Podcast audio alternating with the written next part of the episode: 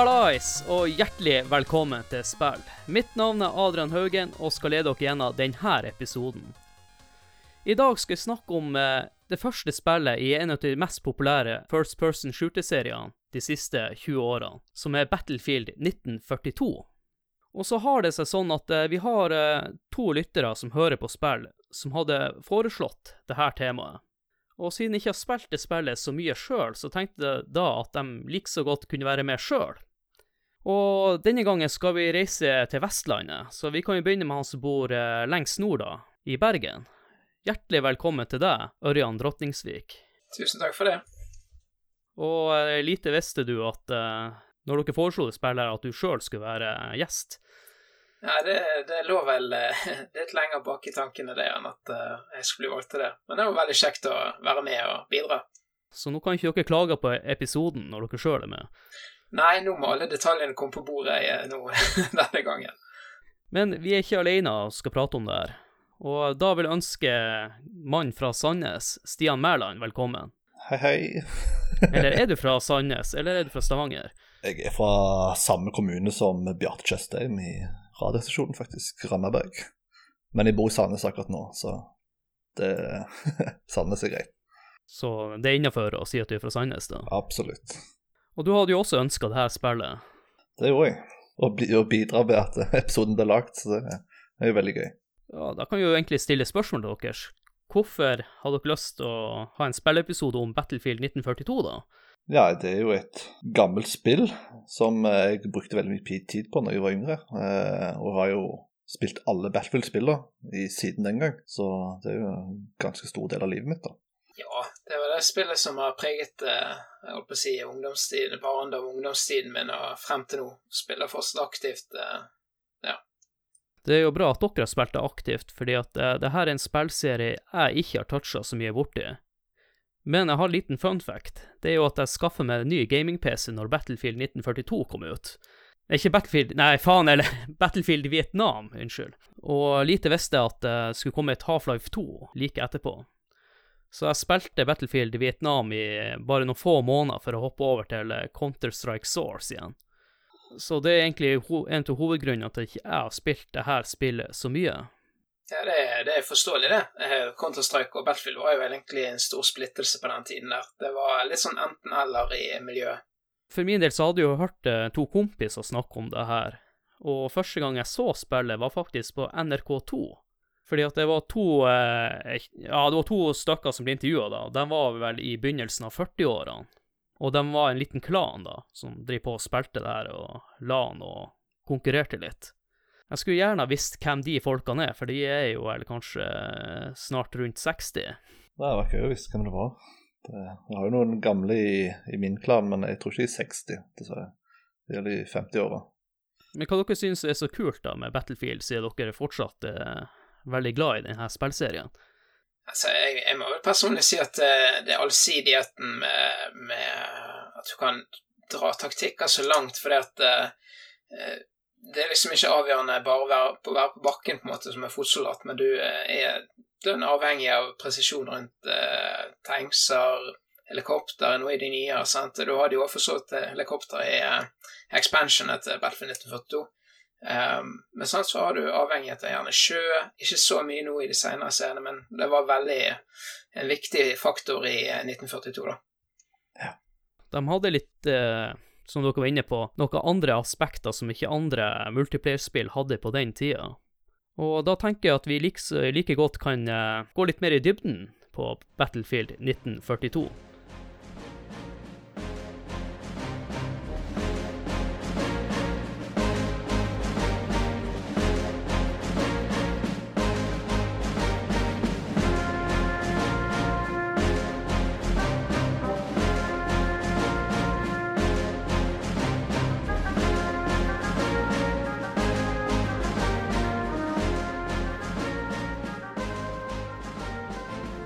Som vanlig så starter vi alltid hovedspalten med en liten gjennomgang av utviklinga til spillet.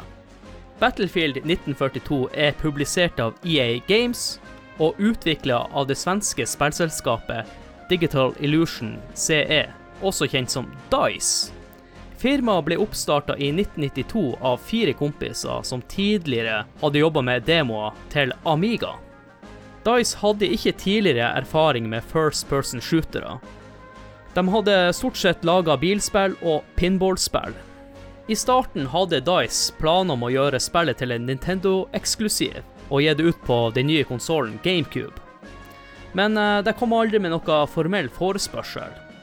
Siden Nintendo ikke hadde noen strategi for hvordan online-gaming skulle foregå på konsollen sin. Dice var et lite team, og de besto av 14 personer.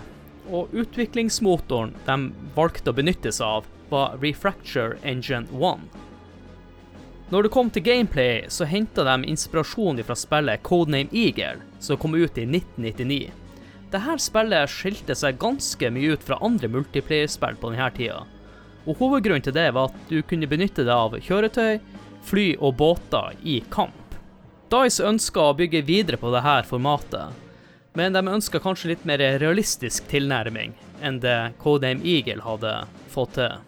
I tillegg så ønska Dice å flytte handlinga for sitt spill til andre verdenskrig, hvor eh, handlinga til Codename Eagle hadde foregått under første verdenskrig. Men en litt morsom ting jeg kan nevne, er jo at uh, Codename Eagle ble også kjørt på Refractor 1 Engine. Battlefield 1942 ble utgitt 10.9.2002 i Nord-Amerika. Og vi måtte faktisk vente ti dager lenger før det ble utgitt her i Europa.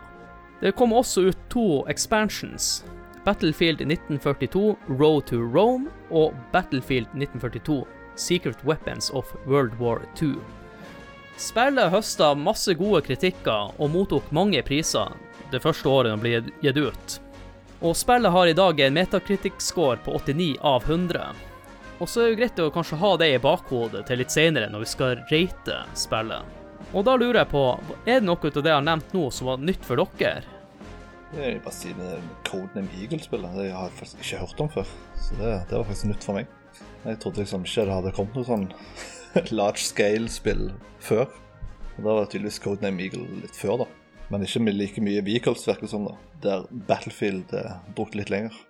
Ja, Battlefield de eh, dro vel denne streken litt lenger. Eh, for Codename Eagle de, eh, det var jo et spill som utviklet seg stort, men hvor stort det ble i, i Norge, er litt usikker på. For akkurat på den tiden der, rett det var sånn på en måte litt før jeg begynte med online gaming, og da uh, var ikke det Det var sikkert ganske poppis blant uh, LAN-miljøene og sånt rundt omkring, men uh, det var ikke helt det som fenget meg på den tiden, da, så jeg har ikke så veldig mye input på det, så Men ja. For min del så hadde jeg jo spilt Codename Eagle.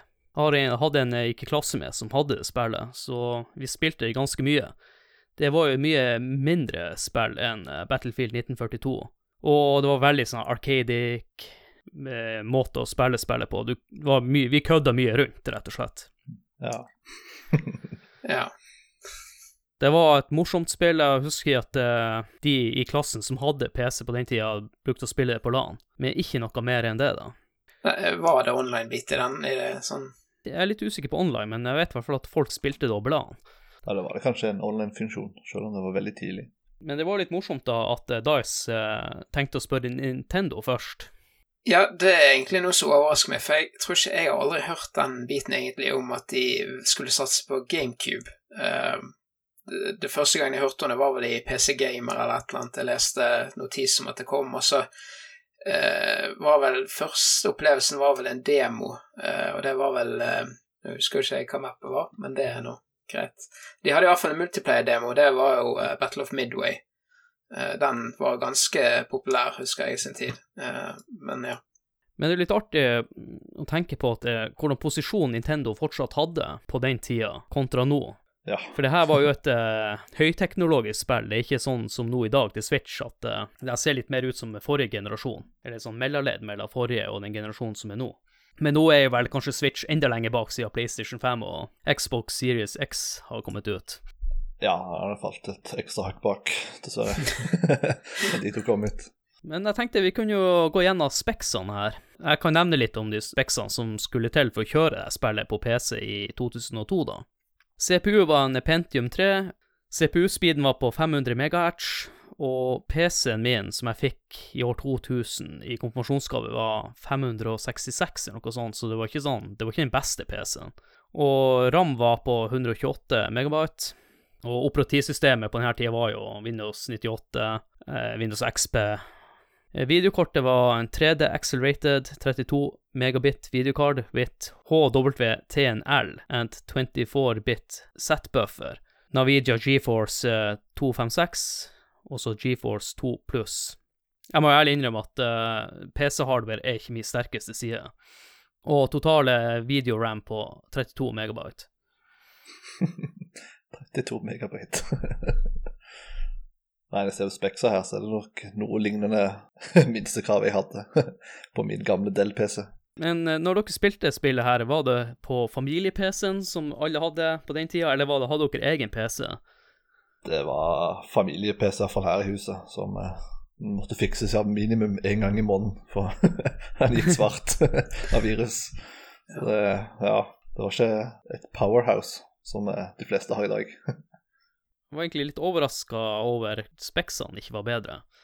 Ja, nei, de krevde vanvittig lite på den tiden der, men selvfølgelig, dette var jo eh, som minimum som du fikk det. Altså du For det, det som de hadde internt i den her eh, systemet, var at du kunne sette hvor mye CPU-kraft som skulle brukes på botene når du eh, kjørte enten eh, singleplayer eller eh, multiplayer, hvis du hostet server, da.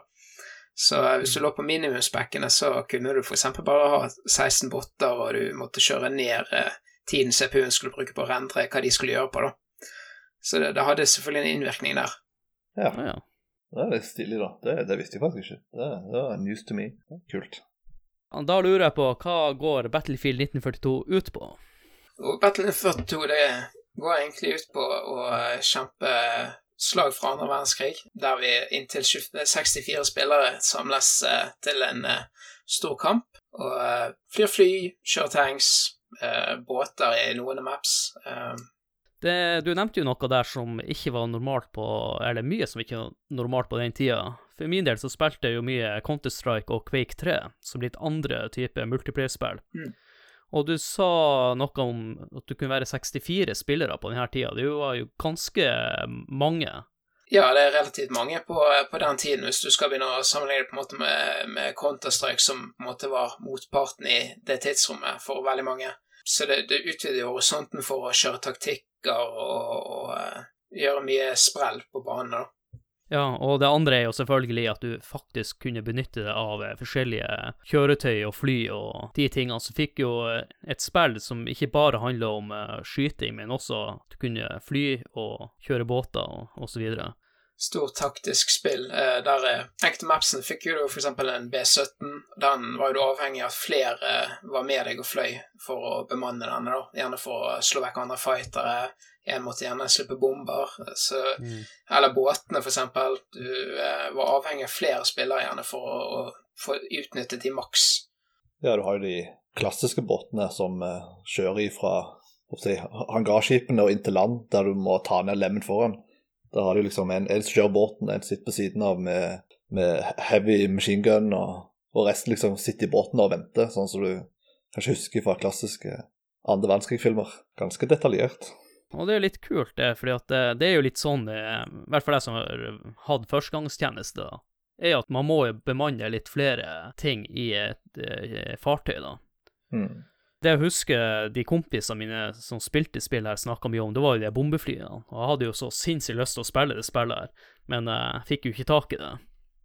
Du kunne jo vel eh, laste det ned ulovlig, men eh, for min del så handler det fortsatt om å dra inn på Ram og Rom og kjøpe den gigantiske boksen som PC-spillene var i på den tida. Men jeg nevnte jo litt i stad at de var ute etter å skaffe et sånn realistisk preg på spillet. Vil dere si at de klarte det? Ja, det, det vil jeg si. I hvert fall for den tida når det var nytt. Det var ikke så klassisk sånn som alle andre spill. Da var, gikk det jo på å drepe. Liksom, den som flest kills, liksom, de vinner. Men her var det jo å holde strategiske punkter.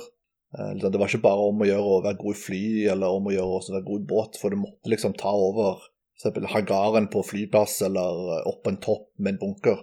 Strategiske punkter, liksom, og holde det flagget, da. For å til slutt vinne, da. Det var liksom ikke bare å, å, å drepe folk. Her var liksom å, å holde punkt som var viktig. Det er bra du nevner det, for det er egentlig de tingene jeg savna fra Counter-Strike. Det var jo den der eh, måten å spille som et lag på. Mm. For ofte i Counter-Strike og Quake så så du kun på kill stats. Du brydde egentlig ikke om de resten i, som var på laget ditt. Og uh, det her, her, er jo litt mer sånn realistisk, for i ordentlig krig så handler det om å ta strategiske punkt. Det handler ikke om at en fyr springer ut i, i jungelen og skal prøve å få mest mulig kill, som han Rambo. Så det er ikke sånn det funker i realiteten. Og nå spiller jo ikke jeg noe first person shooter lenger. Det har jo også litt med at jeg ikke har en gaming-PC, og at jeg blir jævla svett av å sitte og spille de spillene når jeg blir så sliten. Men uh, sånn her type spill er egentlig mer uh, first person shooter for meg enn uh, Counter-Strike og Quake, sånn sett i ettertid, da. Så jeg er jo litt bitter på at jeg ikke heier meg på den Battlefield 1942-bølgen når det var poppis. Ja. Hovedgreia i spillet her er jo at det er jo fra andre verdenskrig, og da er det jo to motstandere som kjemper mot hverandre. Mm. Og det ene er jo de allierte, som besto av Sovjet, England, USA i hovedsak, da. Du har jo Frankrike, men de ble jo slått ganske tidlig i andre verdenskrig. ja. Som eh, en liten fun fact der, Frankrike hadde den største hæren på den tida, i 1939, mens den tyske hæren var det 17. største hæren i verden. Ja, det skal sies at det er noen teorier som florerer om at uh, hadde franskmennene tatt uh, si, tyskerne på sengen, så uh, kunne ting vært litt annerledes. Ja, det er mye som kunne vært annerledes, for å si det sånn. Så det, men det er jo litt sånn som så, så Stian tar opp her, dette med, med, gleden av 1942, med dette at konseptet er lagarbeid hele veien. Eh, for det at hvert lag begynner runden med Det er gjerne satt en tidslimit, og så er det for hvert lag x antall tickets alltid ut ifra Eller da eh, poeng ut ifra eh, hva posisjon de har på kartet når de starter. Eh, det kan være seg at ene laget ikke, altså, har et, da, et spawn point som ikke kan tas over, mens det andre laget eh, har kun spawn point som kan tas over. Du skal altså invadere. Og da er det om å liksom få tatt alle de sonene, så det andre laget ikke kan spåne inn igjen. Eller at begge lagene har en main da som eh, ikke kan tas, og så er det å kjempes ut på ja, tre til seks flagg i midten av det kartet eller rundt omkring. Eh, og da jo flere flagg du har, eh, jo fortere blør du motstanderen sine poeng. Eh, der du får eh, poeng for å drepe den andre, du får poeng for å cappe et flagg, altså ta over en base, eh, mm. og du får da poeng ved å eie majoriteten av de andre basene.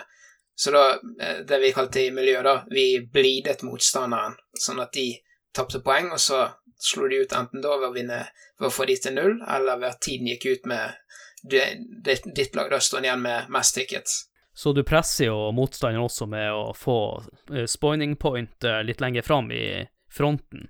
Ja, for det at eh, konseptet i 1942 så hadde jo ikke de eh, sånn som vi ser i nye Battlefields, da, med, med squad spawn eh, eller eh, fremskutte spawn. Jeg tror i det beste så var det kanskje i eh, Løpende Road to Rome. Da kunne du eh, få en APC som hvis den APC-en var bemannet av minst én i sjåførsetet, så kunne de andre spåne inn på et fremskutt spawn, da, helt utenom flaggsone. Det er jo litt annerledes enn det som CS fungerte. Absolutt. Mm. Og det er også eh, litt kult, fordi at uh, det får deg til å kjempe på forskjellige plasser på kartet, og ikke bare enkelte hovedområder, som er i andre FPS-er. At hvis du klarer å ta det området, så kontrollerer hele gamen, mens her må du tenke på alle posisjoner. Jeg nevnte jo at det var jo de allierte, og så har vi jo aksemaktene, som stort sett er Tyskland. Så de er jo egentlig stjerner her. Det er jo, det er jo dem mot resten. Jeg tror ikke du kan være noen italienske tropper eller uh, ukrainske uh, Japan, på enkelte ja, Japan, av ja. stillehavskarter. Da er det vel Japan. Så har du Italia i Road to Rome. Det er vel egentlig det. Ja.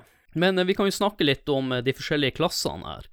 I andre spill så kunne du kjøpe våpen eller finne våpen, mens her er litt våpnene og det utstyret får eh, bestemt ut ifra de klassene du velger. Så jeg kan jo bare gå gjennom de klassene som er her. Du har jo en som heter Scout, som er en sniper, og det sier jo seg sjøl hva du får å springe rundt med, da. Så har du eh, Assault, eh, aka riflemann, som bruker Assault Rifles. Det er sånn semiautomatiske eh, gevær. Tror jeg karabiner, i hvert fall på amerikanerne. Ja. Og så har du jo antitank, det sier seg sjøl. du bruker bazooka eller andre panservernvåpen. Og jeg tror også du kan legge ut miner og holde på med det. Eller det er kanskje ingeniør som hadde det. Ingeniør og miner. Eh, Antitank de eh, begynte med bazooka, så hadde du pistol som secondary. Så jeg nevnte nå ingeniør. Ikke sånn som jeg holdt på med, jeg satt ikke foran PC-en. Men en liten fun fact, jeg var i ingeniørtroppen i førstegangstjenesten. Stilig.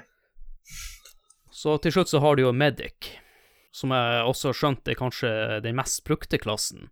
En veldig populær eh, klasse, så absolutt eh, den eh, spiller de fleste sånn sett, egentlig. For det, er noe med det du har ikke self-healing eh, i dette spillet utenom Medic, som går rundt med en liten Medic Poach som han kan bruke på seg sjøl og på eh, lagkameratene. Men eh, hva var det dere foretrakk å spille ut av de her klassene? Nei, personlig var som regel antitank pga. bazookaen. det var ganske primitive den gang. Ja, jeg hadde en for, eh, sånn forkjærlighet for å være assault. Det allsidig eh, bruker. Ja, jeg har jo ikke så mye erfaring fra dette spillet, men i Battlefield i Vietnam så brukte det som regel å være assault. Det varierte jo litt uh, hvilken type våpen du fikk da, ut ifra hvilken map du spilte. Mm. Så spilte du i, på et må håpe jeg, Ivo Jima eller noe sånt uh, stillehavskart, så startet du kanskje med det våpenet som de hadde der. Så har du et map eksempel, som heter Stalingrad, så starter du med et helt annet våpen på samme klassen som du kanskje liker å spille. Så det mm. var en liten uh, Det var ikke alltid du fikk det rette våpenet du ville ha, ut ifra hvilket kart du spilte. da. Så det kan kanskje variere litt hvis du ikke likte det våpenet. Ja, men det er jo litt kult at de varierte på den måten. Ja, du uh, fikk teste ut de forskjellige uh, våpen. Mm. Ja. Ja, I tillegg til vanlige våpen, så har du jo også noe sånn uh, mounta våpen som du kunne betjene i, i enkelte maps. Var det mange kule sånne type våpen da? For dem som jeg husker best, det var den flakk anti-air. Det er ganske ikonisk å skyte mot fly da. Den husker jeg likte veldig godt. Den var veldig ikonisk i hvert fall, for, for min del, da. Ja, hvis du håndterte det ganske godt, så var det alltid like gøy, det. Du ble fort hatet, ja. det gjorde du. ja, det er aldri noe gøy å fly, og så begynner den å sikte seg inn på deg. Det er ganske kjipt. Ja, Var det lett å treffe med den, da, eller? Ja, det var vel som regel i nærheten. Jeg tror han fungerte sånn som han gjør i virkeligheten. At han det skyter opp en sånn på en måte eksplosjon, ja. Så det er jo i nærheten så gjør du ganske god skade. Så, men han hadde, jo, han hadde jo sin maksbegrensning på rekkevidde, uh, så du kunne liksom ikke blæste i evigheten. Og han, Nei. jeg tror mener at de siste patchene da klarte de å justere ned på, uh, på, skadeomfang på infanteri. Så han er ikke like kraftig der med, som han var i starten. Ja, stemmer. Du kunne jo bruke han der òg, ja. det ble jo også brukt i virkeligheten. De flakkanonene ble jo brukt til antitankskanoner etter hvert i, i krigen. Stemmer det. Så det at, eh, men eh, mitt inntrykk av eh, sånn som MG-ene, som du gjerne skulle tenke var superkraftige og sånt så Jeg testet noe seneste Battlefield her for noen timer siden, og jeg må si at sånn MG-ene de var så treffsikre. De var ingen å si, drop i kulene. Altså, de skyter rett frem. Mm. Så hvis du treffer, så treffer du. Men problemet er at du er så på måten Battlefield er bygd opp, så hvis du stiller deg i en MG, så i forhold til spill i dag, så står du på det ene stedet. Så hvis en sniper sirkler seg inn, så kunne han bokstavelig talt si at ok, den MG-en skyter, da står du akkurat der. Du flytter til ja. på en måte ikke med våpenet. Eh, en liten fun fact, jeg har faktisk skjøtt det med MG i virkeligheten. Det var bare lite trakk, så var det 100 skudd borte. Og ikke noe rek rekyl i våpenet, men en uh, veldig sånn Det er en veldig kjent lyd, da. Ja, mens i Battlefield så høres det ut som du uh, kaster småstein. Det er bare sånn pip, pip, pip. Det er veldig Det, det som det må nesten høres. Nei, for den lyden var jo skremmende også for de allierte styrkene under andre verdenskrig. Mm. Du, du, kjenner igjen det våpenet med en gang. Og det er jo litt sånn i virkeligheten, som du nevnte med sniperen, er jo at man prøver jo å sikte seg etter stikkflammer. Men eh, vi må jo kanskje snakke litt mer om eh, selve kjøretøyene og det. Hva var deres favoritt? Jeg må si jeg, hadde forskjeller for uh, tyskerne sin BF109, uh, fighter-flyet deres. Uh, var aldri kjempe, kjempegod, men det var liksom den friheten med å fly rundt. Du kunne når du Det som er så fint med det, at når du var tom for armer, så var det bare fly inn mot nærmeste flyplass. Og så lavt tempo over rullestripen, så var det fulladet på et par sekunder. Og da hadde du jo alltid eh, noen bomber til, tilgjengelig på flyene. Det er ikke sånn som nå med at du dropper én last, og så er det full retur. Så var det sånn Formel 1-team som sto der og skifta. Nesten. Du kan nesten si det sånn, ja. Ja, Jeg er enig der. Jeg var mest, mest på fly. Det var det jeg likte best. Det er liksom det Battlefield-spillet jeg, jeg likte fly mest på, da. Jeg synes liksom det Men det var lett å mestre de han kjøretøyene? Eller var de veldig sånn det han eh, clunky? Nei, jeg vil si de var ganske enkle, sånn sett. Jeg husker både bil og tanks, liksom alt var, var ganske greit å, å lære seg det ganske fort. Veldig Mm. sånn Den gang så var det sikkert ikke så arcady, men i ettertid så det- var det kanskje det. Mhm. uh, og det var ganske enkelt, sånn som jeg husker, å, å fly fly generelt i, i forhold til nye Battlefield-spill. Absolutt. Jeg hadde en, eh, hadde en, en som spilte klan med i, i Kommando Nord i sin tid, uh, når Skull gikk han under, og han, han spilte faktisk fly bare med tastatur. Det mus var ikke bruk for. Nei, det jeg òg mener var kun tastatur. Ja. det, det var liksom nok. Men var det sånn at man kunne dominere kamper med å være f.eks. veldig god i bare å fly? At de var litt sånn uh, overpowered? Ja, hvis du var veldig treffsikker. Du kunne jo ta ut infanteriet og det meste, egentlig. Mm. Eh, Men så var det jo òg egne punkt, mener jeg, som du måtte holde da, for å få lov til eksempel å ha flystriper, da, for å kunne spåne nye fly. Ja. At, Så, så holdt du den og hadde veldig gode piloter, så, så hadde du ganske god kontroll på kartet. Du kunne gjøre en veldig stor forskjell, bare med å være god pilot eller veldig flink i tanks. Men var det noen maps som krevde at du f.eks. kun var sjøslag, eller kun var luftkamper, eller kun tanks? Det tror jeg ikke. Det var det var vel noen maps der det kun var infanteri og vehicle, mener jeg. Ja, det var mye av. Um, det var liksom til og med i eh, det bitte lille mappet Berlin så klarte de å skvise inn en liten jeep på hver side, bare så for å ha det. Jeg Uh, det var men noen kart der det var kun fly eller kun uh, sjø.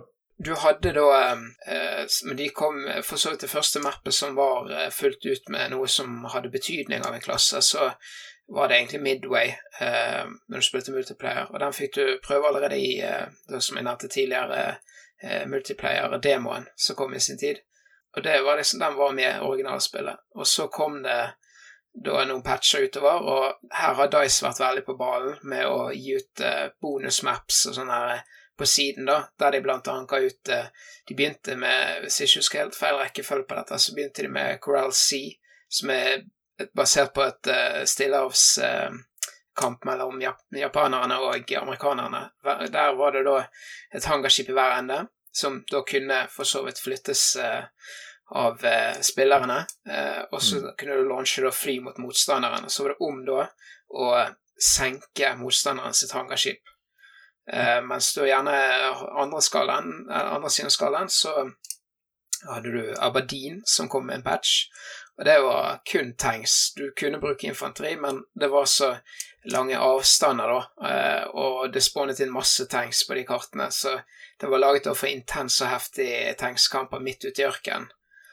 Jeg tenker vi kan jo snakke litt om de forskjellige mappene, og eh, jeg kan egentlig komme med litt informasjon ifra fra det som skjedde i virkeligheten. For det er jo, som vi nevnte tidligere, at de fleste mappene er basert på ekte hendelser under andre verdenskrig. Vi har jo Battle som også er kjent som Operation Battle.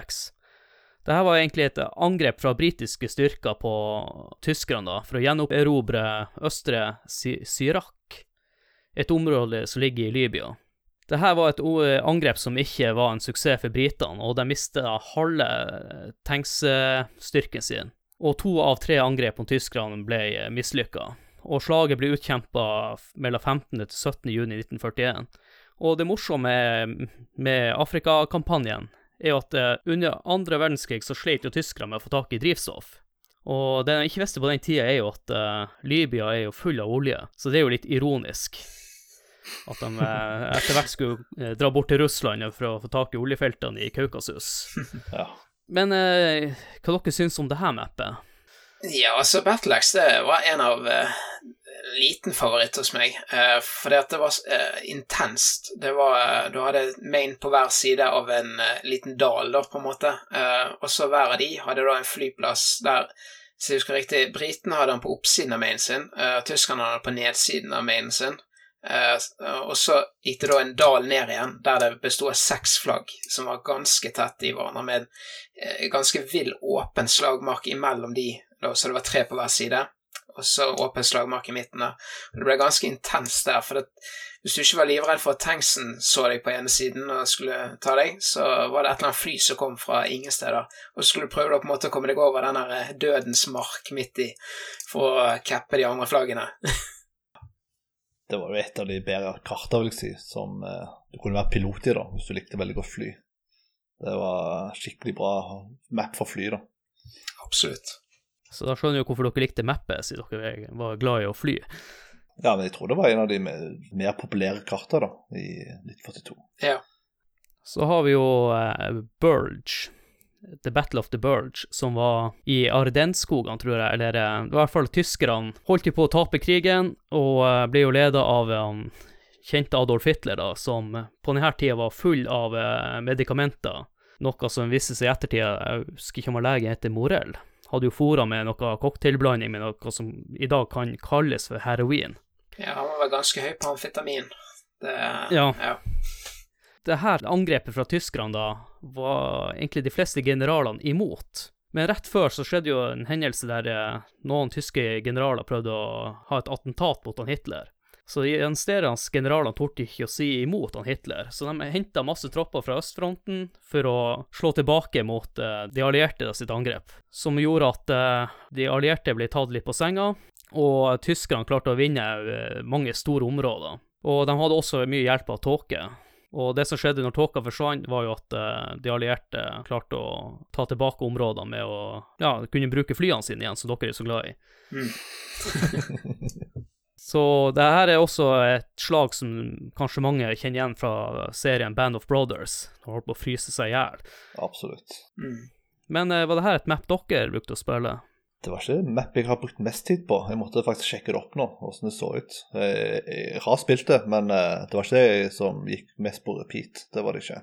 Jeg vil si at dette mappet var vel eh, strengt tatt Eh, fra min erfaring, da, mest, det var et veldig populært map sånn i, i klankampsammenheng, fordi at det var et stort allsidig map. Eh, krevde mye taktikkeri for å få til, fordi at eh, bommet du på dette mappet her, så, så hadde du ikke sjanse til å hente deg inn igjen.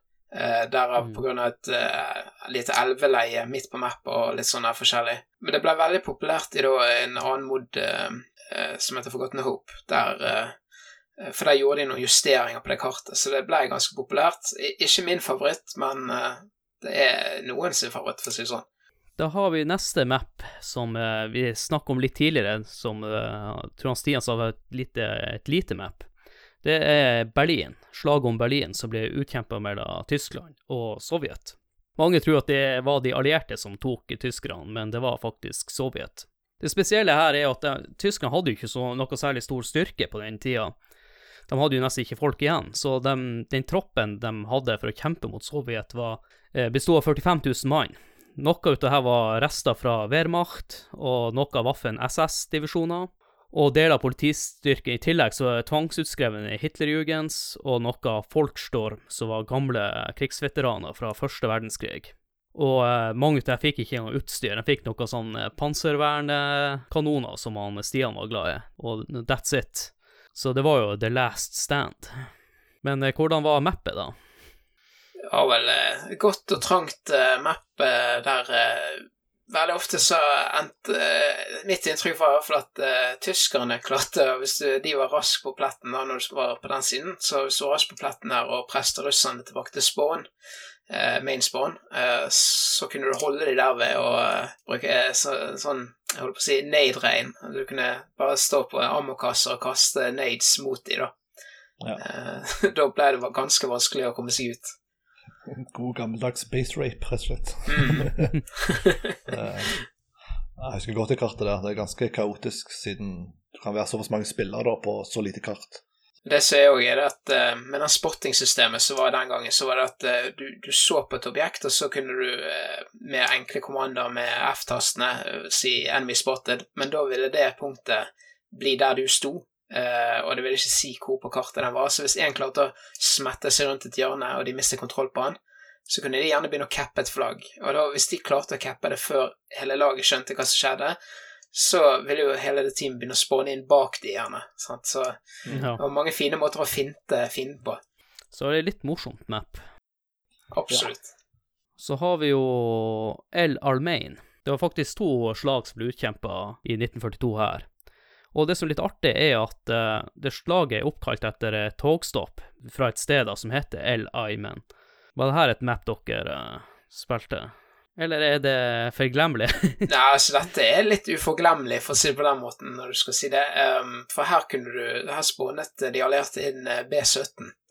Uh, det var vel egentlig Det er to maps der det, det kom inn, hvis jeg husker riktig, og her er en av de, da. Eh, og det var litt sånn artig, for du hadde ganske åpen ørken, eh, og så eh, var liksom basene på hver sin side dette. Allierte fikk B-17. Eh, tyskerne, de fikk da denne her Stuttgaren sin og F, BF 109. Eh, og så var det da bare fighte løs. Der du hadde gjerne Det ene punktet der var det en, en fjellpassasje som de allierte kunne ta seg gjennom, og så på det andre var på en måte en utpost ut på en kant opp på en fjellside. Og så har vi jo Ivo Jima, da. Det er jo lagd mange filmer om det slaget her, og de allierte, eller USA da, nærmest sagt, var interessert i å få tak i noen flyplasser, sånn kunne begynne å bombe Japan. Og krigen var jo ganske brutal med tanke på at eh, japanerne hadde jo gravd seg inn i øya, og de var jo også kjent for å ikke å gi seg med det første. Men eh, hvordan eh, funka det her mappet? Var det like brutalt som i virkeligheten? Ja, nå vet ikke jeg hvordan det var på uh, multiplayer-siden, men jeg kan huske ganske kaotisk, i hvert fall i starten, når jeg spilte mot botter, da, som jeg gjorde for det meste da, på den tida. Det er jo ganske klassisk med hangar og en destroyer da, på hver side av kartet. Og så er det jo for de allierte da, komme seg inn på stranda og begynne å ta over, mens japanerne da, er på øya da, og bare skyter ut. Så sånt er ganske kaotisk. Jeg kan se for meg at det det var litt stress å spille kanskje i multiplayer. Ja, dette er jo litt sånn realt kaosmap, fordi at uh, du, hvis du spilte sånn Japan, så måtte du på en måte ta sjansen på hvordan du skulle plassere troppene dine ut i forhold til uh, om du trodde de kom til å uh, bare bruke flyene sine på, fra hangarskipet amerikanerne da, til å angripe deg, eller om de kom til å for eksempel for det du kunne gjøre på den tiden, var at du kunne fylle vingene da, med soldater eh, ved å trikse litt, sånn at du kunne fly over eh, ene fjelltoppen og droppe ned f.eks.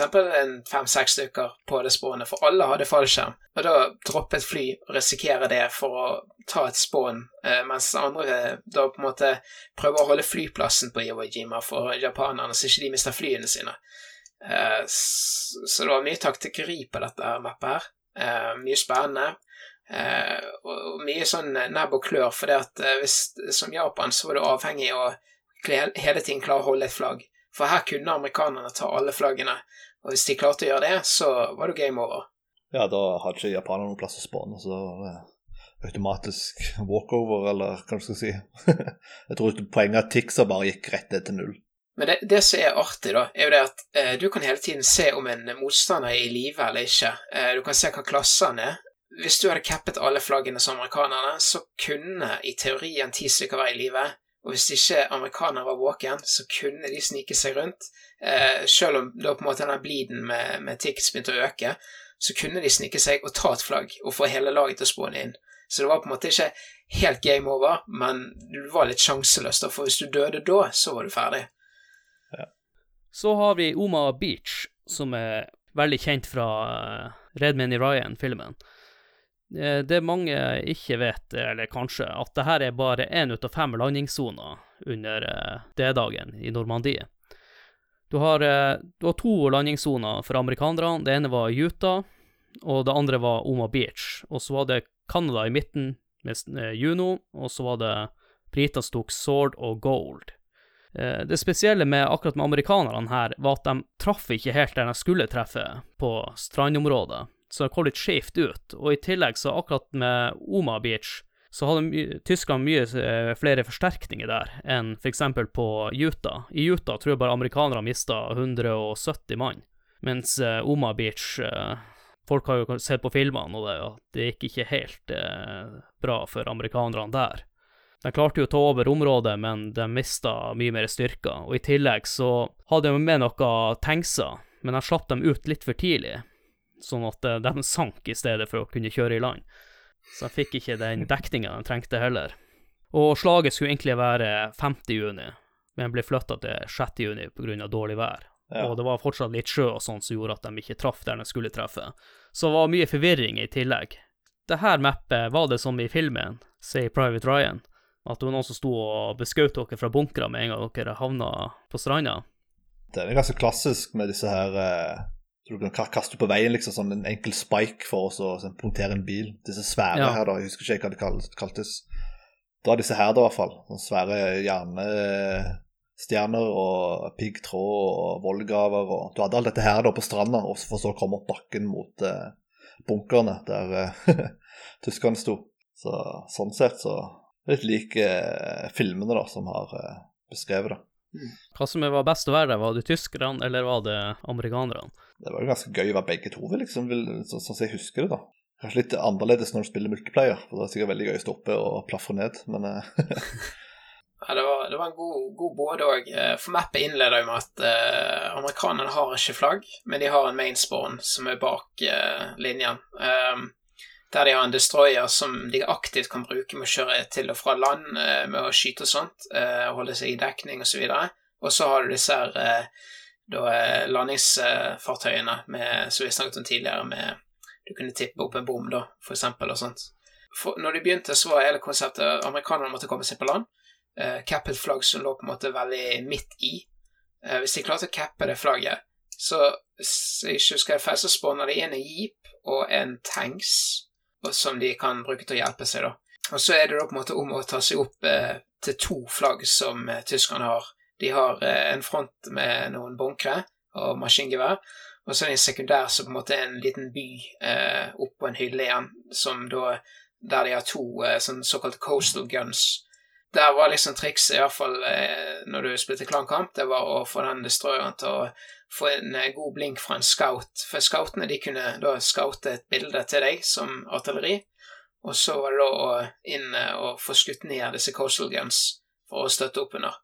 Eh, så kunne litt sånn artig fakta da, var det at du kunne ta denne jeepen hvis du visste virkelig hvordan du brukte den. Så kunne du kjøre opp bakken på siden av første flagget og blåse rett over haugen og rett inn i denne mainen da, til tyskerne. Så det var alltids åpent for mye moro. Ja, det er litt artig å kunne leke seg litt.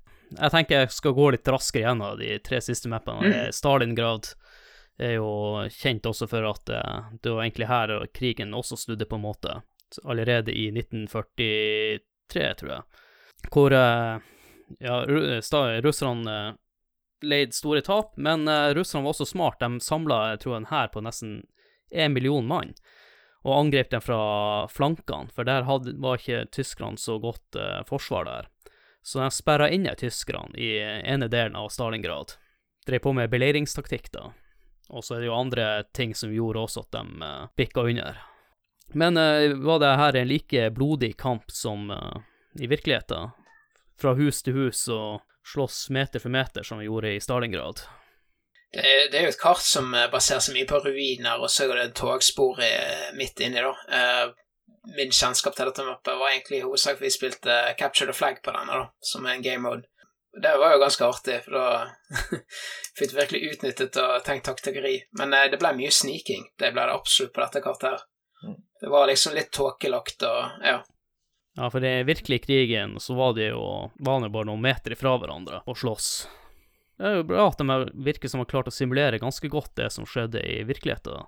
De har i hvert fall klart å provosere at det skulle bli like kamper. Ja. Men vi kan jo snakke om eh, neste map, som er Tobruk, Nord-Afrika. Her er jo den eh, Det er kanskje dårligst på når det kommer til andre verdenskrig, er jo de kampene som skjedde i Nord-Afrika. Det her er også med, mellom eh, eh, australske styrker, faktisk, som måtte forsvare seg mot eh, tyskerne. Men uh, var det her et kult map? Det kartet der husker veldig lite av. Jeg har ikke søkt opp bilder, men jeg kan ikke huske det kartet der. Torbrook, det, det var det første singleplayer-demoen som ble sluppet uh, av Battlefield. Han kom med PC-gamer i sin tid. Uh, så introduserte på en måte uh, allsidigheten utenom flyene. Uh, for her var det tanks, det var artilleri, det var jeeper. Altså litt sånn som Battle Axe, bare det at her var det mye flatere, og det var mer langstrekt, da. Så, så den, for min del så er dette Når jeg spiller dette mappet her, så sånn på, nei, Litt sånn for moro skyld nå, for det er noen som spiller litt innimellom, så, så bringer dette tilbake masse, masse barndomsminner fra timevis med eksperimentering og prøving i dette her spillet, da. På, på denne demoen. Men det er jo bra at de, eller smart av dem, å holde igjen med flyene, i hvert fall, sånn at folk vil kjøpe hele spillet. Så har vi jo et siste map her, Market Garden, som også er kjent fra Band of Brothers. Det var jo en av de største uh, luftlandsettingene, og de skulle ta over uh, bruer i, uh, i Nederland, da. Jeg husker ikke farta hva de bruene heter. Og så er vi også lagd en film som heter A Bridge Too Far. Er det Arnem du kanskje tenker på? Ja, Arnem, ja, stemmer. Men var det her et stilig map? Jeg har i hvert fall sett video av det her mappet, så det virker som det kanskje var noe som mange spilte. Eller tar jeg feil? Nei, det var en del som spilte det. Eh, sånn mikset, egentlig. Det var, for her fikk du B17 eh, igjen. mm. men eh, jeg tror egentlig det at dette var sånn enten-eller. Eh, en del var litt skuffet, for de så for seg at eh, mappet skulle være flere bombefly. men det er en god miks, da. Du har bykamp, du har avstand, og litt sånn forskjellig. Så en, en god miks, da vi har jo vært innom solo mission-delen. Er det noe vi har lyst til å nevne der? Stian, du, du var jo kanskje og spilte mest solo-delen. Nei, jeg kan ikke huske jeg spilte noe Iallfall det vi snakket om før uh, Market Garden, da. Det er tobruk. Jeg spilte jo egentlig alle karter, liksom, singleplayer. Ja, med bots, da, eller? Ja, bare bots. Det var ikke noe missions og sånn man kunne spille i den delen? Nei, ikke så jeg husker. Eh, det var egentlig bare sånn eh, Conquest å holde punkter, liksom, og blide ut eh, fienden. da. Med enten meg sjøl mot bots, eller jeg og min bror liksom mot bots og, og sånt.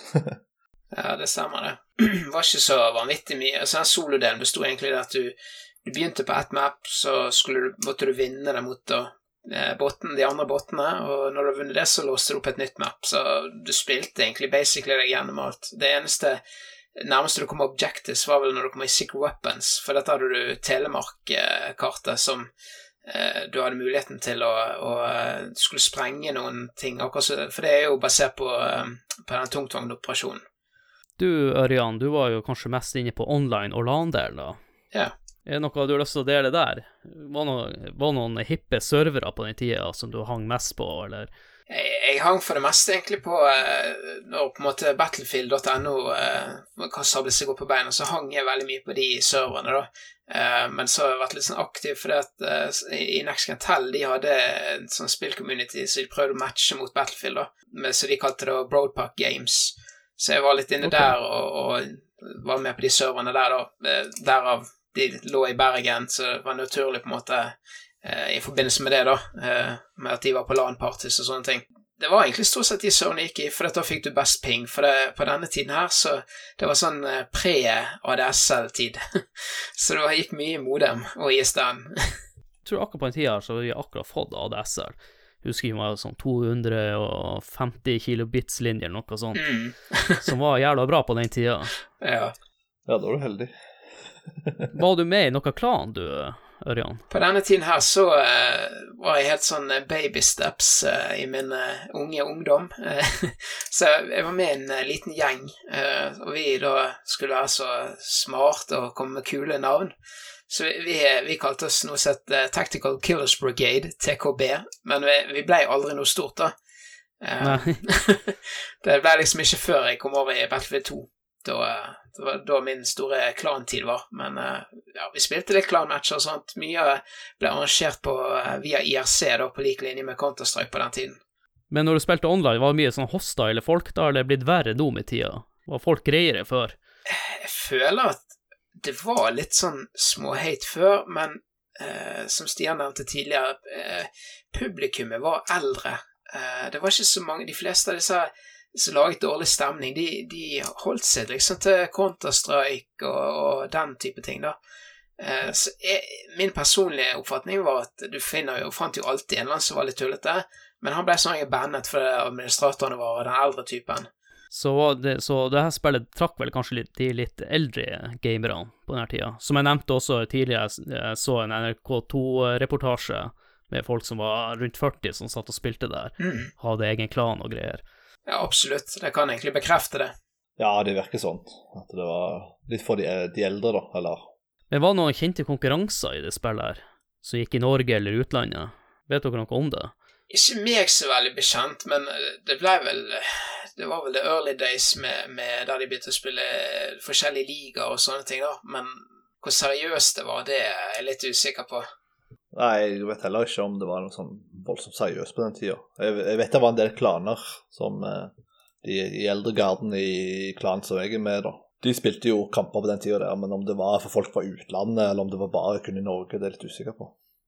Var det noen kule bugs forresten i spillet her? Tenkte vi kunne snakke om, eller eller var det noe ja, i hele tatt som er verdt å nevne? Mange ut sånne her spill har jo noen game-breaking bugs. Jeg har jo sett uh, på YouTube noen som kom ut med hangarskip midt inne, inne på land, og du kunne kjøre på sandsekker, og, og jeepen fløy opp i lufta.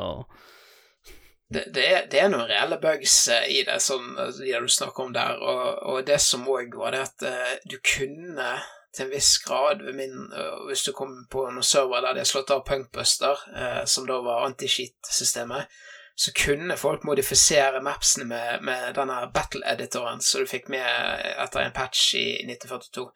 Og da kunne du eksempel sånn som på El Alamein, så kunne du for din del skru ned høyden på fjellene og hoste den serveren. Men så de som lå seg på, de ville sett fjellet, og så ville du skjønne greiene da han så han fløy gjennom fjellet. Det, så det var ikke noe verification-greier mot eh, forskjellige klienter, da. En annen ting som var litt uh, viktig med sånn her type spill, det er jo mods som kom. Jeg kan jo bare nevne noen. Det var et som heter Desert Combat, som er fra Golfkrigen. Og så har du Forgotten Hope, som egentlig er bare en uh, forbedring av originalspillet, vil jeg si med haug med nye vehicles, og at hærene var mer historisk korrekte. Og så har du Eve of Destruction, som var en Vietnam-mod, som senere fikk man jo Battlefield Vietnam, da. Battlefield Pirates var vel sjørøvere. Og Galactic Conquest.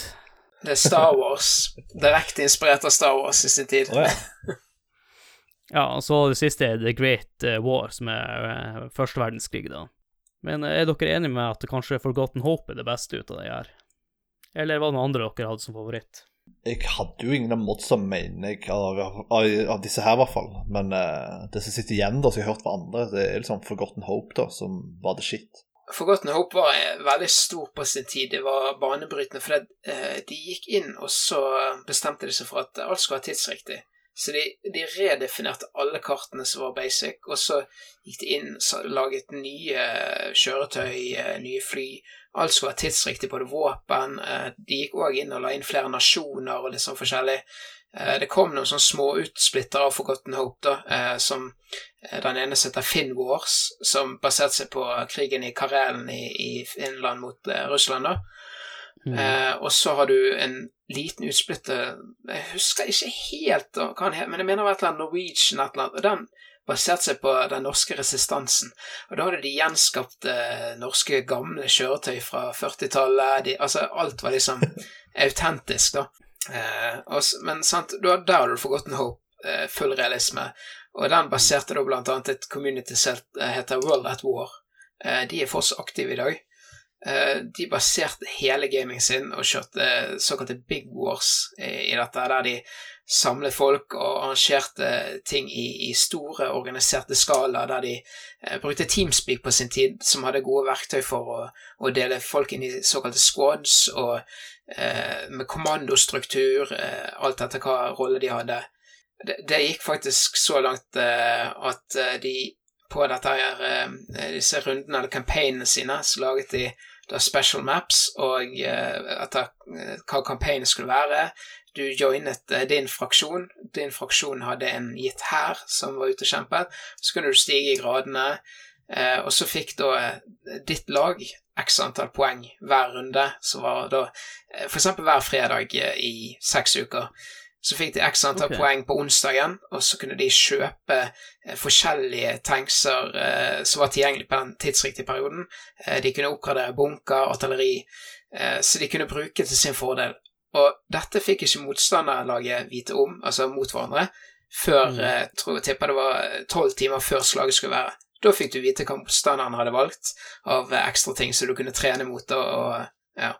Så det begynte å bli ganske avansert allerede på den tiden. da. Ja, det altså rått. Det der hørtes jo hardcore ut, for å si Ja, det ja rett ut. det, det er absolutt. Da er, da er du litt nerd, for å si det sånn. ja, du kan fint si det. Eller kanskje heller si engasjert. Ja, ja. Men det er jo bare herlig. Ja, jeg tenker før vi skal eh, rate spillet, så må vi nevne expansion, som du nevnte litt i stad, Ørjan. Mm. Eh, som var, også som jeg nevnte i stad, som er Road to Rome og Secret Weapons of World War II. Eh, var det her noe dere spilte, eller? eh? Ja, jeg spilte iallfall uh, Secret Weapons og uh, ganske mye. Da var det Vi vet nå nettopp uh, av hvilket kart. Det var Eagles Nest, som sikkert folk kjenner til. Den her uh, Ja. Mm. hytta, var det det? Til han Hitler. Ja. Det er ganske kjent, det kartet der, da. Der kom jo med det. Så det Og ikke, for ikke snakke om eh, et veldig spesielt fly, siden de likte veldig godt fly, da. Så var det jo et eh, Det kom vel med Secret Weapons. Natta Rocket Plane. Om det var en realitet, det vet jeg ikke. Det var sikkert noe eksperiment. Jo, nå vet jeg ikke hvordan det flyet ser ut som du snakker om, men Det er ganske lite med veldig korte vinger. Ja, men uh, tyskerne hadde i hvert fall funnet opp uh, jetjageren på den tida, men Ja, ja det er noe eh, jet- jetfly. Et bitte lite et. Men jeg tror det tyske flyet de hadde da, kunne bare være i lufta i sånn 20 minutter, ikke det heller. Ja, det her, jeg tror det flyet her krasja etter sånn halvt minutt. Eller om, jeg tror det gikk så fort at du ikke klarte å styre det. Så mener jeg at det, det, når du starta flyet, så var det akkurat som en, rampe, en sånn skibakke. Tenker Holmenkollen. Okay. Sånt liksom det tok av. Ja, det høres ikke ut som det flyet, da, men Nei, kanskje ikke.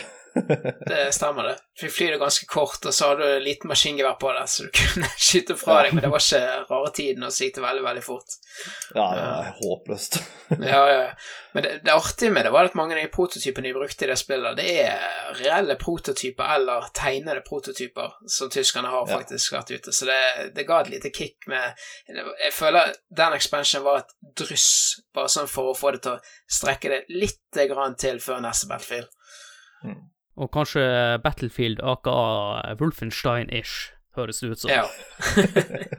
Ja. Så, så det at uh, jeg, jeg spilte for min del mest Road to Rome uh, med det italienske campaignet, da. Eh, gikk mye i litt singleplayer der fra starten, for at da var det en sånn miks mellom uh, online ikke var så stort på akkurat den i starten. For jeg var han som sto først i butikken, klarte å kjøpe han på utgivelsesdatoen. Oh ja, såpass. Ja da, det Var, jeg var så hardbakka-fan at jeg fikk ikke nok. Road to Rome det ble òg brukt mye, eh, ikke av World at War, men andre modding-communitier som laget maps til eh, sånn custom maps til disse andre communityene. Så jeg, rotet meg inn på litt sånn betatesting av kart og sånt med, med noen venner av meg òg. Så mye artige øyeblikk, mye Ja. Ja, det høres ut som vi har eh, egentlig fått sagt det meste om spillet, så da tenker jeg at eh, vi bare kan gå over og rate Battlefield 1942.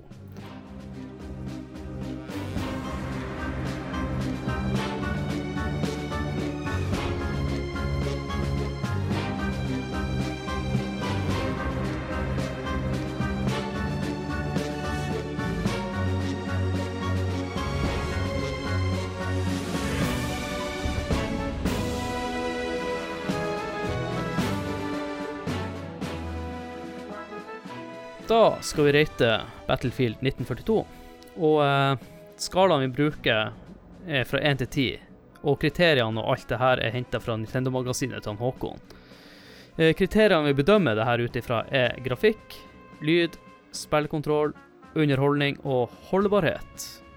Og én ting eh, må jeg bare si på forhånd, at jeg skal ikke være med på denne ratinga, så jeg ikke har spilt spillet noe særlig. Men eh, vi kan jo begynne med grafikk, og eh, hva du vil gi grafikk, eh, Stian? Det var jo det så Vite hvilke andre spill som kom på samme tida, men eh, der og da syns jeg det var veldig eh, ekte, da. Eh, så på grafikken så vil jeg gi en åtter. ganske enkelt greit for uh, når du har sett noe YouTube-klipp og sånne ting liksom av, av våpna igjen, så det er ganske mye detaljer på både kjøretøy og, og alt sånt. Så det, ganske bra, bra, bra, jobb der med grafikken de har fått til. Det, det skal de ha det som kanskje skiller ut spill på den tiden med grafikken, det er ikke grafikken seg sjøl, men det er bare, når jeg har sett på spill her, at det er veldig lite trær og vegetasjon. Det er det eneste som skiller. Stemmer det. Det er veldig lite trær og gress og sånne ting. Det er liksom mer eh, bygningene og tanksene og, og våpnene de har fokusert på. Enn du, Ørjan, hva du vil gi grafikk? Altså, hvis du baserer det på, eh, på eh, den tiden, da, så vil jeg gi det en god åtter, også. jeg, jeg, jeg, er veldig fornøyd eh, med spillet sånn som det landet til slutt. da. Det er, ikke, det er ikke helt der oppe, eh, men eh, det er mer enn godt nok for meg. Ok, da er vi over på lyd, og hva vil du gjøre der, Stian? Det er litt mer usikker. Med tanke på selve kjenningsmusikken til Battlefield og, og menymusikk alt dette her, så, så vil jeg gikk ganske høyt, men våpenlydene og og pratinga generelt sett liksom er liksom ikke top notch, da. Men pga. Eh, teammusikken så kan jeg gi den en syver. det fortjener det. er du, Ørjan?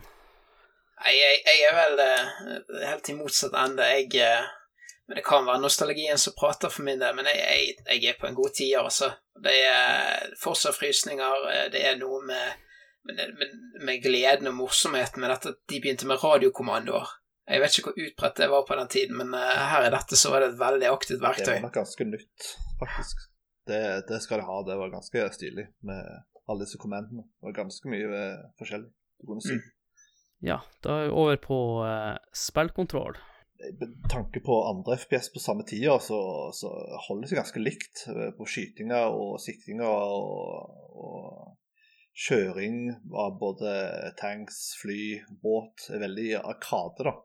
Så der blir det en god nier, uh, ut ifra de andre spillene på samme tid. At det, det lar seg godt spille i dag liksom ennå, med kontrollen. Men du, Ørjan? For spillkontroll så er jeg eh, nei, nær på en syver. Jeg uh, syns det er litt clunky. Uh, det, det, funker, men det er litt for clunky, uh, sånn som jeg ser det. Ja, men det er jo litt artig at dere ikke er helt enige. Jeg syns jo det er interessant, da. Ja, det skal du si at han har spilt mye mer med i det siste. da. Jeg fikk prøve det her om dagen i, sånn, i et kvarter igjen. Uh. Så, så, det blir jo interessant å se, da. Jeg bare må bare nevne at uh, metakritikk-scoren var på 89 av 100, så jeg er spent på hva det her blir. Mm. Men da er jeg over på underholdning. Stian, hva du vil gjøre der? Nei, Jeg storkoste meg på den tida. Uh, det gjorde jeg. Og hadde jeg fått uh, satt meg ned skikkelig nå og spilt igjen, så tror jeg jeg hadde kost meg i dag òg. Så der blir det nier. Det, det, er nesten topp score, liksom, av, eh, på underholdningen. Og da regner jeg med, Ørjan, at uh, du er gavmild her? Er meget gavmild. Det er en soleklar tier fra meg. Det er Jeg tror ikke det er bare nostalgien som er ute og hyler her, men jeg, jeg kan sitte meg ned nå og i dag og spille det og ha det like kjekt som jeg hadde det den gangen. Det, det gir fortsatt så mye. Community er morsomt å delta i ennå. Det er aktive spillere. Ja absolutt en tier. Ja, jeg regna nesten med det, med tanke på alt jeg har hørt du har sagt i løpet av episoden. ja. Og da er vi til siste kriteriet, som er holdbarhet. Hva du vil gi der, Stian? Det er, Ut ifra det jeg har gitt tidligere nå, så, så, mener jeg at det, det ligger på nier, altså. Det, det, er absolutt spillbart i dag. Det er såpass høyt? Ja, ja. Det, jeg vil si det, altså. Sånn sammen, sammenlagt med alt, så fortjener det god nier. Ikke en tier, men en nier, syns jeg hva Håk gir. ja, hva du gjør, Ørjan? Jeg, jeg er enig mot en åtter, altså. For uh, det er sånn når du har spilt litt nye spill i dag, så, så blir det litt sånn at uh, For det går tilbake inn på hvordan kontrollen er på det, og grafikken er på det. Eh, så er det ikke, det er ikke helt der oppe. Og jeg tror ikke en person som hadde tatt det opp i dag og hadde bare hørt om, uh, hørt om spillet og aldri spilt det, de hadde nok ikke likt det i dag. Det er absolutt et spill som er verdt å spille, og uh, hvem som helst kan sitte ned og spille det, men jeg tror nok det er mer enn åtter for min del, da, sånn som det står i dag. Jeg er jo litt spent nå på hvordan det her blir opp mot andre spill det her sesongen. For i, eh, til jul så blir det en ny Game of the Year-episode, der vi kårer hva som blir årets spill. Så de her karakterene har jo litt å si for eh, Som bare ti, ti, ti, ti. Som vi, eh, jeg og Christer gjorde i første spilleepisoden ever, og blir vel vanskelig å slå den med 100 av 100. Men uh, siden Håkon ikke er her, så har jeg fått deg, Ørjan, til å lese opp uh, lyttespørsmålene. Uh, som jeg har sett, så har vi i hvert fall fått inn noen. Stemmer det. Det har vært litt engasjement. Overraskende mye, faktisk. Godeste Ivar, kjent som Fotpromp på, på Discord, han skriver da Musikken, finnes det noe som fyrer deg opp like mye som den? Eh, Den er jo synonym med det å skape forventninger og bygge selvtillit. Man er uovervinnelig med den musikken på ørene. Ja, det, det vil jeg si meg veldig enig i. Eh, Den musikken, eh, teammusikken i hvert fall, den er noe som fyrer meg opp. Det Ja, og det artige med teammusikken der, har jo nesten ikke spilt spillet sjøl, men den, akkurat den låta der, den kjenner jeg igjen. Det, det synes jeg er merkelig, med tanke på hvor lite jeg har spilt det spillet. her. Så jeg er jo enig med han i det. Absolutt. Det er Og den låta blir jo nok garantert en av eh, pauseinnslagene i denne episoden. Det er bare dumt de har eh, ødelagt den låta litt med de nyere spillene, når det er så mye bass og De har sikkert hørt det, de som hører på på E3, disse her med Når de har lansert de nye Battlefield-spillene, da. At de har eh, de, de bruker ennå samme teamlåter, men den varierer seg veldig fra spill til spill. Men i denne episoden blir originallåta kjørt. Ja, har vi noen flere? Yes, uh, Hjelpol har slengt inn en her. Dette ble spilt ekstremt mye på land. Som Ivar sier, så er musikken i spillet episk, og jeg får fortsatt frysninger av å høre på den. Jeg har vage minner om singleplayer, men er multiplayer-delen jeg virkelig husker. Det er spesielt fra Secret Weapons og World War II-utvidelsen. Tror dette var første FPS-spillet jeg spilte på PC, og la et grunnlag for utallige timer opp gjennom årene. Så jeg ser det er flere som er, har gode minner, altså. Og det er kun han eh, Stian her som har kun minner fra solo Ja, jeg har tydeligvis gått glipp av veldig mye. Jeg trodde ikke jeg ikke var noen år eldre når jeg spilte det. Så, eh, Fra nå av så blir det kalt for Stian Solo, så det er bare å bytte fra kampsøvn til Stian Solo. Men jeg har fått mye glede på multiplayeren da i de senere spillene, heldigvis. Så jeg tror jeg tatt igjen. Du fikk det ordna internett til slutt, skal du si. Ja, til slutt. Så fikk vi ADSL. Yes. yes, Terje òg sendt inn den her. Battlefield har jeg aldri brydd meg om. Jeg har aldri vært spesielt glad i multiplayer-spill, med få unntak. Så sånne ren multiplayer-opplevelser som dette styrer jeg unna. Jeg er klar, klar over at nyere Battlefield-spill har hatt kampanjer man kan spille alene, men det er fortsatt ikke det disse spillene dreier seg om. Fin musikk, da. ja, ja, det er én positiv side med Battlefield for hans del. Ja. Men, eh, men det er jo forståelig nok, for dette, dette er jo et hjemtegn på den der eh, splittelsen eh, som var på den tiden, at eh, du valgte gjerne en eller andre veien å gå. Ja, jeg ser jo sjøl på, for, mi- for min egen del, at jeg spiller ikke så mye multiplayer-spill eh, lenger. Jeg har også gått litt over til eh, kun singleplayer-spill som eh, ja, spiller lite FPS-er for tida. Det er nesten bare jeg spiller for tida. Kommer vel gjerne med pensjonsalderen i gamingverden, der du gjerne nyter et singleplayerspill mer enn du uh, gjør multiplayerspill som uh, gjerne får hjertepumpet til å hive opp uh, når du helst egentlig bare vil roe deg ned, være i din egen sone. For min del, når du vet at du må dusje etter en eh, Counter-Strike-seanse, så er det på tide å legge opp, og det var da jeg la opp. Ja. Jeg er dypt inne i Tarkov nå, det er jo et helvete. Uff. Jeg trenger ikke det stresset i mitt liv. Nei, det, det er stress å spille det av og til. Uff. Så har vi fått inn en her fra eh, Guidin Land. Jeg håper jeg sier dette navnet riktig. Ja, vi, jeg tror ikke vi fikk rett forrige gang heller. Nei. Men, eh, du, det hørtes ut som du sa det mer rett enn jeg sa det. Yes. Han skriver da Forgjengeren til Battlefield-serien, Codename Eagle, var en stor gjenganger i alle landsamlinger i min ungdomstid. Allerede her kunne vi kjøre tanks og fly mot hverandre med ca. samme gameplay som Battlefield-serien etter hvert skulle definere. Mengden innhold i spillet virker gigantisk, og kunne spille som USA, England, Sovjet, Nazi-Tyskland og Japan, og i tillegg har fem karakterklasser med egne roller og utstyr. Battlefield 1942 erstattet Codename Eagle som fast LAN-inventar i årene fremover. både for spilling over internett med små samlinger og for dedikerte LAN-servere med kun lokale spillere ved større samlinger. Husker at serverreglene i selve spillet ikke var så veldig omfattende, og at mange brukte tredjepartsprogrammer som The All-Seeing Eye for å finne, lagre og kategorisere servere med annet filter for regioner. Spillet var massivt og ga på de største 64-spillerserverne kartene virkelig følelsen av å være kun én brikke av en større militær operasjon over flere fronter. Spillet hadde også mindre infanterifokusert kart, særlig Stalingrad og Berlin. Etter hvert begynte jeg trekke mer mot de kartene og fokuserte en periode kun på å spille USA og Salt-klassen for å få tilgang til bar machine gun. Våpenet hadde lit, et lite magasin på 20 skudd, men mye skade per skudd, og sikret seier de fleste trefninger én mot én, eller om så flere. En herlig manøver som ble spikret i dette spillet, var Dolphin Dive, hvor spilleren hoppet fremover og trykket på prone, eller på annet sagt mageleieknappen, i luften. Resultatet er herlig estetisk og gir prone-bonus til våpenets treffsikkerhet før du i det hele tatt treffer bakken. Så han, eh, han, skrev seg en god eh, innledning her, og litt forskjellig. Og så har han eh, slengt på favorittkartene sine. Storkrigsmappen han likte godt, det var El Alamein, midt ute i ørkenkrigen.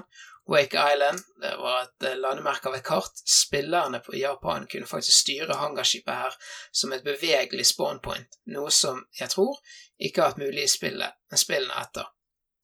Det stemmer faktisk. Eh, veldig godt. Du kan ikke, kan ikke flytte de nå. Men det jeg har lyst til å kommentere til han skrevet her, er jo han har oppsummert hele episoden på tre minutter, som vi har kanskje brukt en og en halv time på. Basically, ja. Så jeg blir jo litt, jeg, jeg blir jo litt flau. Om vi bare skal gi ut de tre minuttene du leste opp der. Rett og slett uh, valgt feil gjest. Kunne bare ja. Jeg håper, jeg håper han kan eh, oppmuntre til gode diskusjoner etter denne. Uh, ja, så det... han skrev Wake Island en gang til. Nesten ingen landere, 90% vann. Jeg lurer på om han snakker om Midway. Uh, for ja, her, her snakker da, ja, han snakker om en herlig eksperimentering av kartdesign. Vi ser altfor lite av Notre Spillbare ubåter var i tillegg utrolig stilig. Jeg tror det er Midway han snakker om her. Ja, det virker sånn, ut ifra det han har skrevet om det utrolig artig map der eh, begge sidene begynner med en stor flåte på hver sin side av mappet, og så skal de konkurrere om to flagg midt i. Veldig, veldig sånn taktisk. Skal jeg ta ut fienden sin flåte, eller skal jeg ta flaggene? Så har han skrevet om Berlin, som vi har snakket om tidligere. Trange passasjer, fine på alle kanter, og tanks som runder hjørnet foran deg når du minst vil det. Stemning og gjennomgående høy puls. Og så har han òg vært inne her på Omaha Beach. Det var et must i alle spill som omhandlet andre verdenskrig, etter filmen Saving Pride Ryan, og gøy var det, i spillform i hvert fall. Så eh, han har basically oppsummert mye av det gode vi har snakket om eh, til nå. Vi kan jo egentlig bare slette episoden, og så legger vi ut akkurat den spalten her. på tre minutter. Men jeg ser jo her på uh, Spill Community har vi fått inn. Jeg kan jo lese opp der, da. Mm, ja. Det er fra han uh, Raymond Bryne det, det her ble spilt mye, såpass mye at vi spilte i norgesturnering og kom helt til semifinalen. For et fantastisk spill, skriver han. Husker vi hadde strategimøter og virkelig levde oss inn i spillet. Vi kjempa sammen, vi ga alt. Tida med spillet er over, men blir aldri glemt. Han hø hø høres litt ut som deg, Ørjan. Var veldig inn i det når han holdt på. Ja, det Jeg tror mange ga sjelen sin til dette spillet når de først eh, fant tonen med det. Eh, men det er litt som, eh, som ble nevnt tidligere òg, dette at eh, aldersspennet her tror jeg var den eldre garde, eller folk som genuint gjerne hadde interesse for andre verdenskrig, så de ville spille dette for å se hva det var. Eh, ja. Så det, det, blir liksom ikke det samme som Counter-Strike-gjengen. Nei. Nei, jeg tror ikke det var så veldig mye sånn Nå var kanskje jeg veldig spesiell siden jeg var 12-13 år da jeg spilte det, men jeg tror ikke det var så veldig mye 15-åringer som de fleste FB spiller i dag. Det var mer 20 pluss pluss, som kanskje enda høyere. Så det var på Battlefield. Da har vi gått gjennom det aller meste i episoden her, og jeg vil jo si tusen takk til eh, begge dere for at dere kunne være med, og at dere foreslo det her eh, temaet, eller det her spillet, da, for oss. Så fikk dere jo prøvd dere litt i podkastverdenen også. Ja, takk for at jeg ble invitert. Det var skummelt, men eh, det, det gikk jo greit. fikk oppleve spill bak kulissene. Det, jeg håper det ikke blir som i, i pornofilmer der eh, folk sier med en gang vært på settet, så er ikke det samme igjen. Gir ikke samme gleden. Nei, nå skal jeg ikke aldri høre på spill igjen. Ja, så håper dere fortsatt uh, vil høre på oss. Absolutt. Takk, uh, takk, for invitasjonen til å få lov til å dele gode minner uh, fra et spill som kommer nok til å bli husket lang, lang tid fremover. Ja, og så er det jo sånn at dreams come true i spill. Som sagt, dere fikk vel lov til å være med som gjester her. Ja. Og det kan jo godt hende at du som hører på, også har muligheten til å være gjest en gang i framtida. Så vil jeg bare oppfordre folk til å følge oss på Facebook, og vi har jo et spillcommunity der inne som eh, leste lest opp spørsmål ifra i dag, og vi legger inn noen poster i ny og ne, så oppfordrer jeg til dere som er inne på spillcommunity til også å poste noe der, så vi får eh, litt aktivitet der inne. Vi har også en Discord som han, både han eh, Ørjan her, kjent som The Hawk, og han Stian her, som er kjent som Kampsauen, er delaktige. delaktig. Og her har jeg brukt å spille litt i helgen, forskjellige spill, og gått mye i Among us. Ja, det har fortsatt seg. og med det så vil jeg bare si tusen takk for at dere eh, hørte på. Og da eh, gjenstår det bare for meg å si takk til Ørjan, og takk til han Stian, og takk for meg. Snakkes. Ja, men da er Kampsign signing out. The Hawk out.